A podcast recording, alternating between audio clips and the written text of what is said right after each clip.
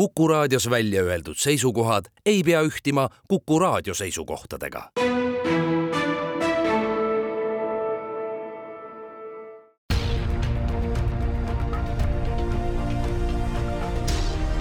uue samba taga.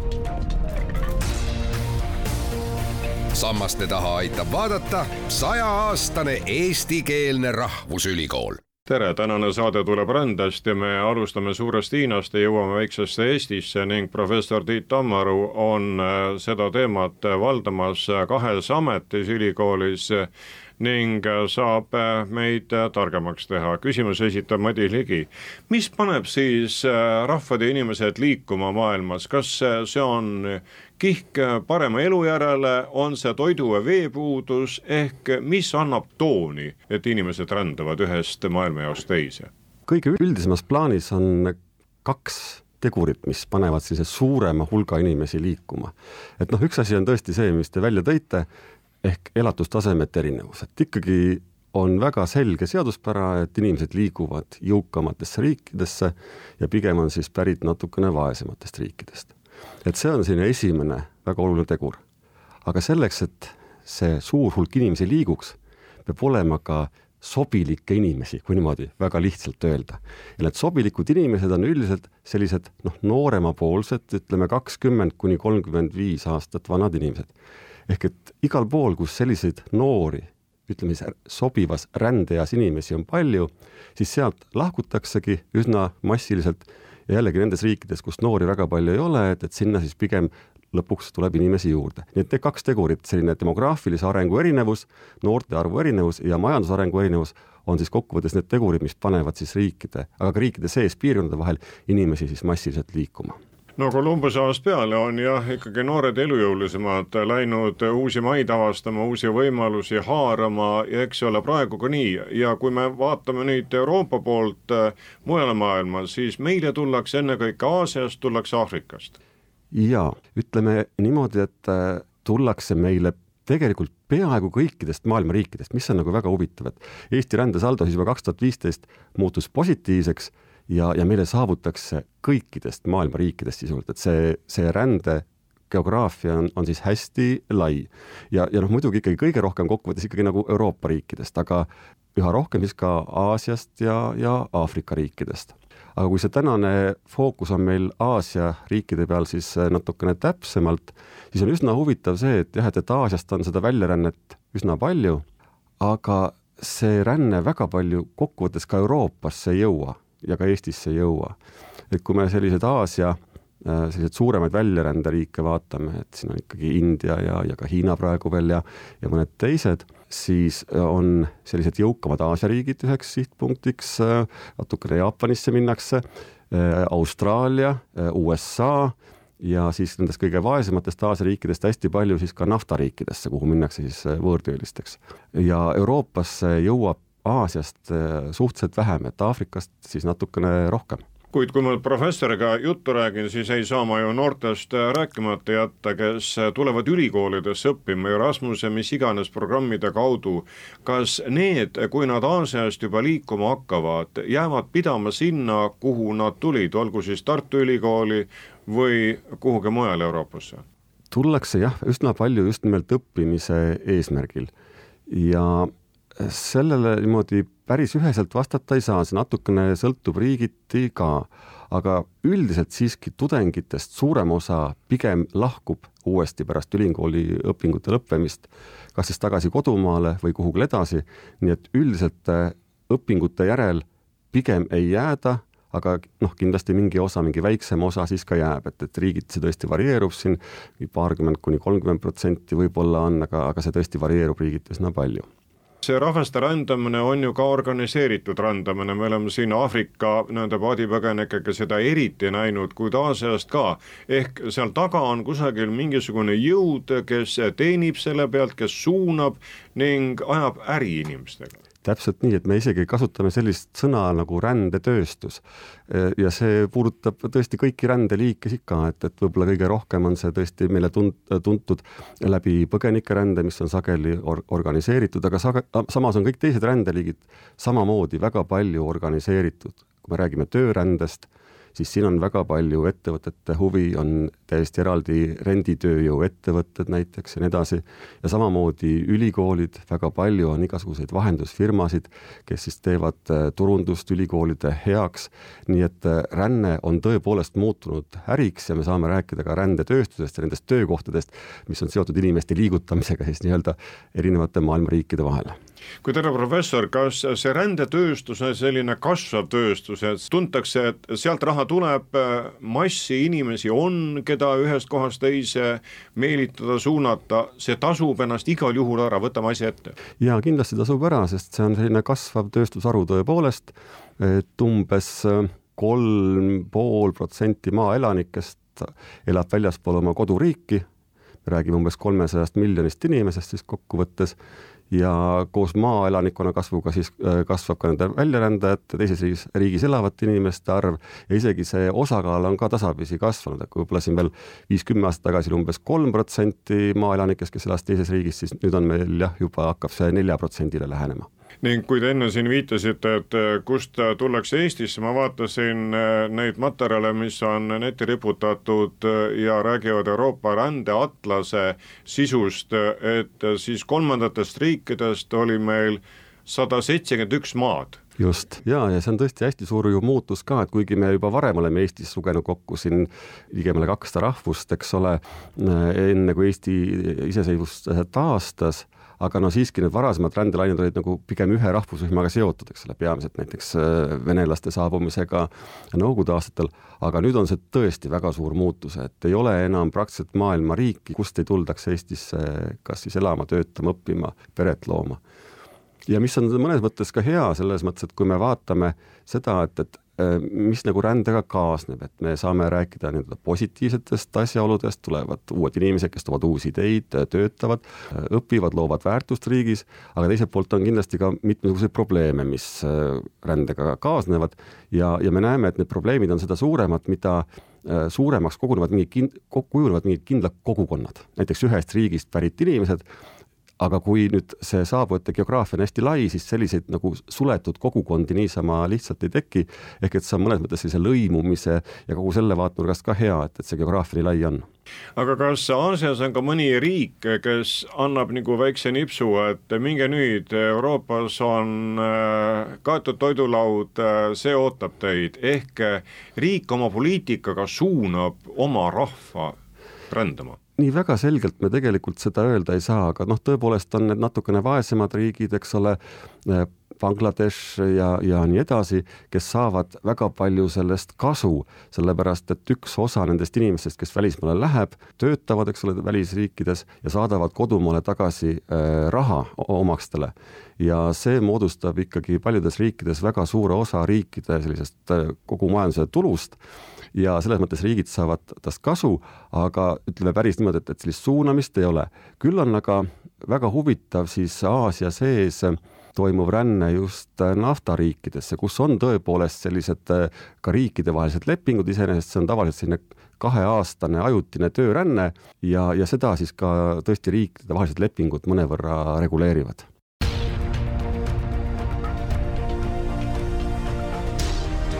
uue samba taga. sammaste taha aitab vaadata sajaaastane eestikeelne rahvusülikool. Professor Tammaru, suunamist on aga riigi sees, kui me peame siin näiteks silmas Hiina poliitikat, olgu see ühe lapse või need teised aktsioonid, nii et eks seegi siis püüa riiklike meetmetega suunata seda sündimust ja reguleerida rahvaarvu jaa, eks riigid ikkagi alati kuidagi püüavad oma rahvastikuprotsesse mõjutada ja eriti muidugi sündimust tõepoolest, et et noh, need riigid, kus sündimus on väga kõrge, püütakse siis sündimust natuke madalamaks saada ja need riigid, kus sündimus on väga madal, saad, tahetakse selle kõrgemaks saada, et et sinna kahe lapse juures on selline ideaalne olukord, kus rahvastik nii, nii ei kasva kiiresti ega ka ei kahane. nii et, et pigem see sündimuse eh, pool on see, mida poliitikate mõjutajatega mõjutatakse, aga see omakorda mõjutab otseselt rännet. veel kord, et, et kuna liiguvad noored ja kui nüüd me toetame seda, et, et kui, kui sündimus on kõrge, eks ole, et, et siis, siis on ka väljarändajaid rohkem ja kui sündimus nüüd tuleb madalamaks, muutub madalamaks poliitikate mõjul, siis see potentsiaalne väljarändajate arv ka väheneb, et noh, Hiina on selles mõttes nagu väga hea näide, kes on oma sündimuse poliitikas olnud väga pikka aega suhteliselt agressiivne, sündide arv on väga madal ja tegelikult Hiinast enam seda väljarände potentsiaali meil tegelikult ei ole ja ongi nüüd väga huvitav vaadata, et, et kas Hiina siis suudab oma sündimuse taset tõsta, praegu nad püüavad siis kolme lapse poliitika poole liikuda, või siis kuidagi püüavad ka hakata selles rändepildis kuidagi kaasa mängida globaalselt, et siis oma riiki meelitada. ja muidugi Hiina saab hakata seda rännet mõjutama eelkõige sellega, et oma inimesi, kes on siis ka aegade jooksul Hiinast lahkunud, eks ole, tagasi riiki meelitada. Hiina puhul on muidugi see, et alates neljakümne üheksandast aastast kuni faktiliselt tänapäevani on Hiina elanikkond kogu aeg kasvanud, kuid kui nüüd vaadata neid prognoose, prognoose, teie oma publitseeritud materjale, siis Hiina rahvaarv hakkab vähenema. jaa et noh, tegelikult see Hiina ongi üks mõnes mõttes hea näide ka sellest, et kuivõrd suur on ka selline inertsus rahvastikuprotsessides. et Hiina rahvaarv tõesti kuni viimase ajani on kasvanud, aga samas sündide arv langes alla kahe lapse juba aastakümneid tagasi. ehk et see rahvaarv kasvas kahe teguri mõjul, et üks on see, et inimeste eluiga pikenes, ehk et inimesed elavad järjest kauem, suremus on seetõttu madal, ja teiselt poolt, kuigi sündide arv ühe naise kohta oli madal, siis sünnitusikka jõudsid nagu varasemad suured sünnipõlvkonnad ja niisiis ikkagi kokkuvõttes see sündide arv oli ka veel suur, et, et see inertsus oli ikkagi mitu aastakümmet sees, aga tänaseks on see läbi ja nüüd hakkab see täpselt nagu vastupidi töötama. et sünnitusikka jõuavad järjest väiksemad ja väiksemad põlvkonnad ja isegi kui sündide arv ühe naise kohta kasvab, siis on nad ikkagi selles mõttes probleemi ees, et sünnitusealisi naisi on vähe ja, ja seda sündimust nagu varasemale tasemele tagasi viia on, on ikkagi äärmiselt keeruline no tundub, et see ikkagi see tagasi kõrgeks viimine sündimuspoliitika puhul ikkagi ei pruugi nii hästi töötada, kui riigid äh, loodavad, isegi sellistes väga võib-olla tugevalt juhitud riikides nagu, nagu Hiina, sest et äh, inimesed on vahepeal koondunud linnadesse, nad on ikkagi saanud osa ka tarbimisühiskonna ja, ja muudest hüvedest juba, nad mõtlevad, noored põlvkonnad hoopis teistmoodi ja selline suurte perede ideaal kindlasti ei ole enam täna see, mis Aasias domineerib ja Hiinas näiteks domineerib. Jah, ajaloolasena tuleb meelde üks kunagine tõdemus, et äh, peres peab olema viis last, et üks äh, selleks, et äh, oleks järelkasvu, üks ema jaoks, üks isa jaoks, üks juurdekasvu jaoks, üks sõja jaoks, üks haiguse jaoks. kui me kaks maha võtame, siis peaks olema selleks, et näiteks ka Eesti rahvas kestaks, peres kolm last. Ja, ja eks siin noh, neid teooriaid on palju, et siin on arvatud ka näiteks seda, et, et et just nimelt sellise võib-olla kiriku mõjul ka erinevates religioonides on väga tugev selline poisslaste eelistus. Ja seda on ka islamimaades ju räägitud, et, et ikkagi pered igaks juhuks sooviksid saada kaks poega, mis tähendab, kokku oleks siis perede suurus neli last, aga ükski selline teooria tegelikult ei ole praktikale nii-öelda vastu pidanud, et ka sellistes riikides, kus võib-olla selline religiooni mõju on tugevam, ükskõik mis, mis religiooniga siis tegemist on, see religiooni filter võib-olla natuke aeglustab sündimuse langust, aga see sündimuse langus on ikkagi täiesti globaalne ja ei sõltu sellistest kultuurilistest eripäradest, pigem see kultuuri mõju on siis selline nagu, nagu ajastust ja, ja võib-olla pikendab sündimuse langust, aga ta põhimõtteliselt sündimuse langust tegelikult ära peatada ei suuda no ilmselt me ei suuda ka peatada seda rahvaste liikumist ühest riigist teise, ühest maailmajaost teise, nüüd on küsimus, millised meetmed töötavad ja millised mitte, no kui me võtame siin kas Euroopa näite ja viimaste nädalate informatsiooni, kuidas üks ja teine riik püüab seda arvu, siis kvooti kas kahandada või kasvatada, igal juhul on see probleem. ja küsimus laiemas plaanis ongi siis see, et kuidas siis seda oma elanikkonna arvu ja selle kasvu või kahanemist suunata. no kahanemise peale vaevalt, keegi mõtleb, rohkem ikka kasvu peale. millised meetmed töötavad, millised mitte, mida teadlase tarkus ütleb, mis siis töötab? jah, ega päris ikkagi lõpuks töötab see, kui me tõesti ehitame tara äh, kahe riigi vahele ja, ja tõesti ei ole ka füüsiliselt võimalik, et see on nüüd üks meede, mis nagu näitab kogemus, et, et see, see aitab, aga, aga isegi siis on tegelikult ikkagi võimalik äh, mööda saada, et ehk alati on mingid poliitikad ja alati on mingid võimalused nendest poliitikatest äh, mööda hiilida. ja, ja see inimeste liikumine tõepoolest jääb, väga raske on siin näha kuidagi, et see kuidagi muutuks. kui me mõtleme seda ka pere tasandil, on ju väga loomulik, et, me ise tahame liikuda, kui me liigume maailmas, me kohtame teisi inimesi, võib-olla me loome pere, eks ole,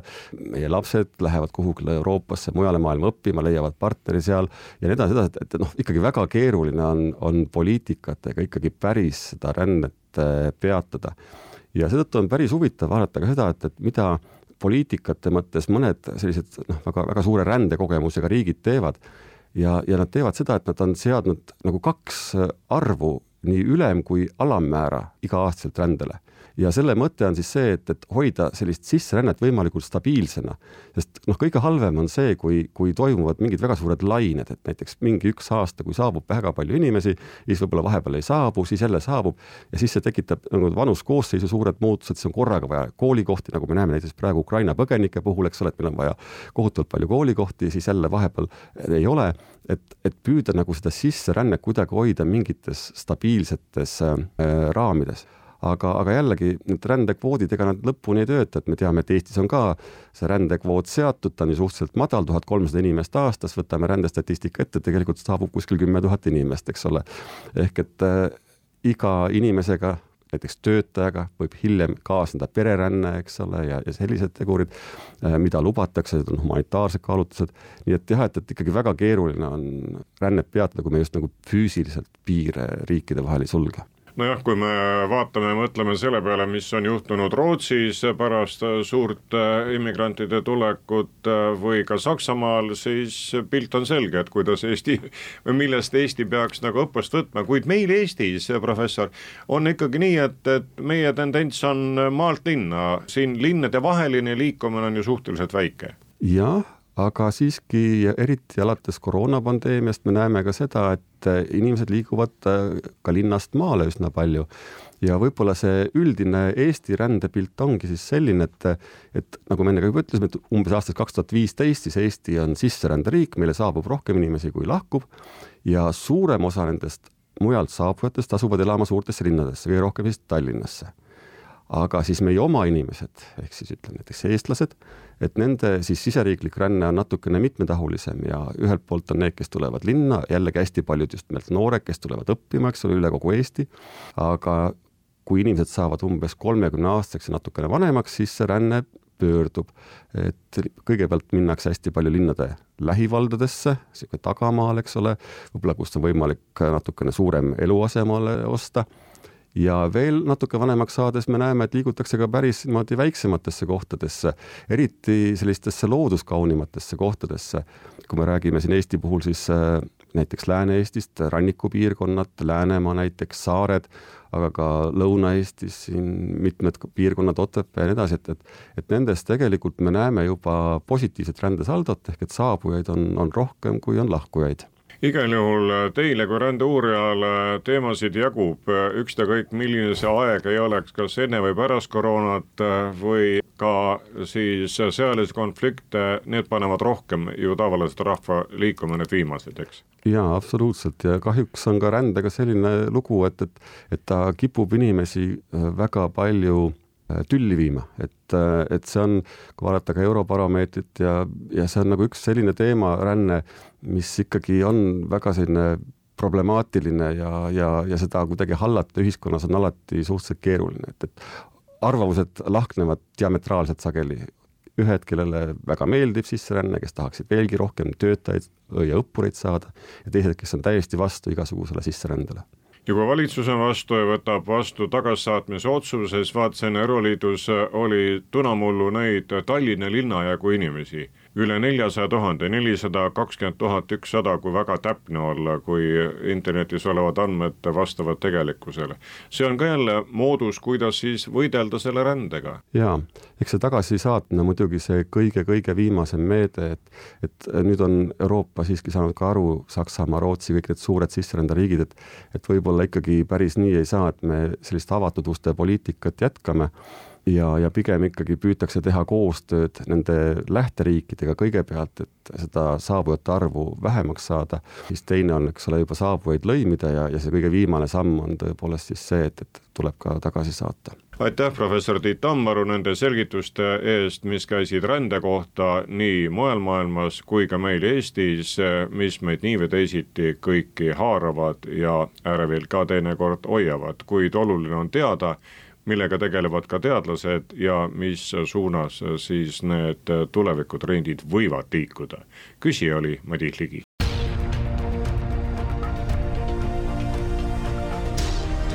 uue samba taga. sammaste taha aitab vaadata sajaaastane eestikeelne rahvusülikool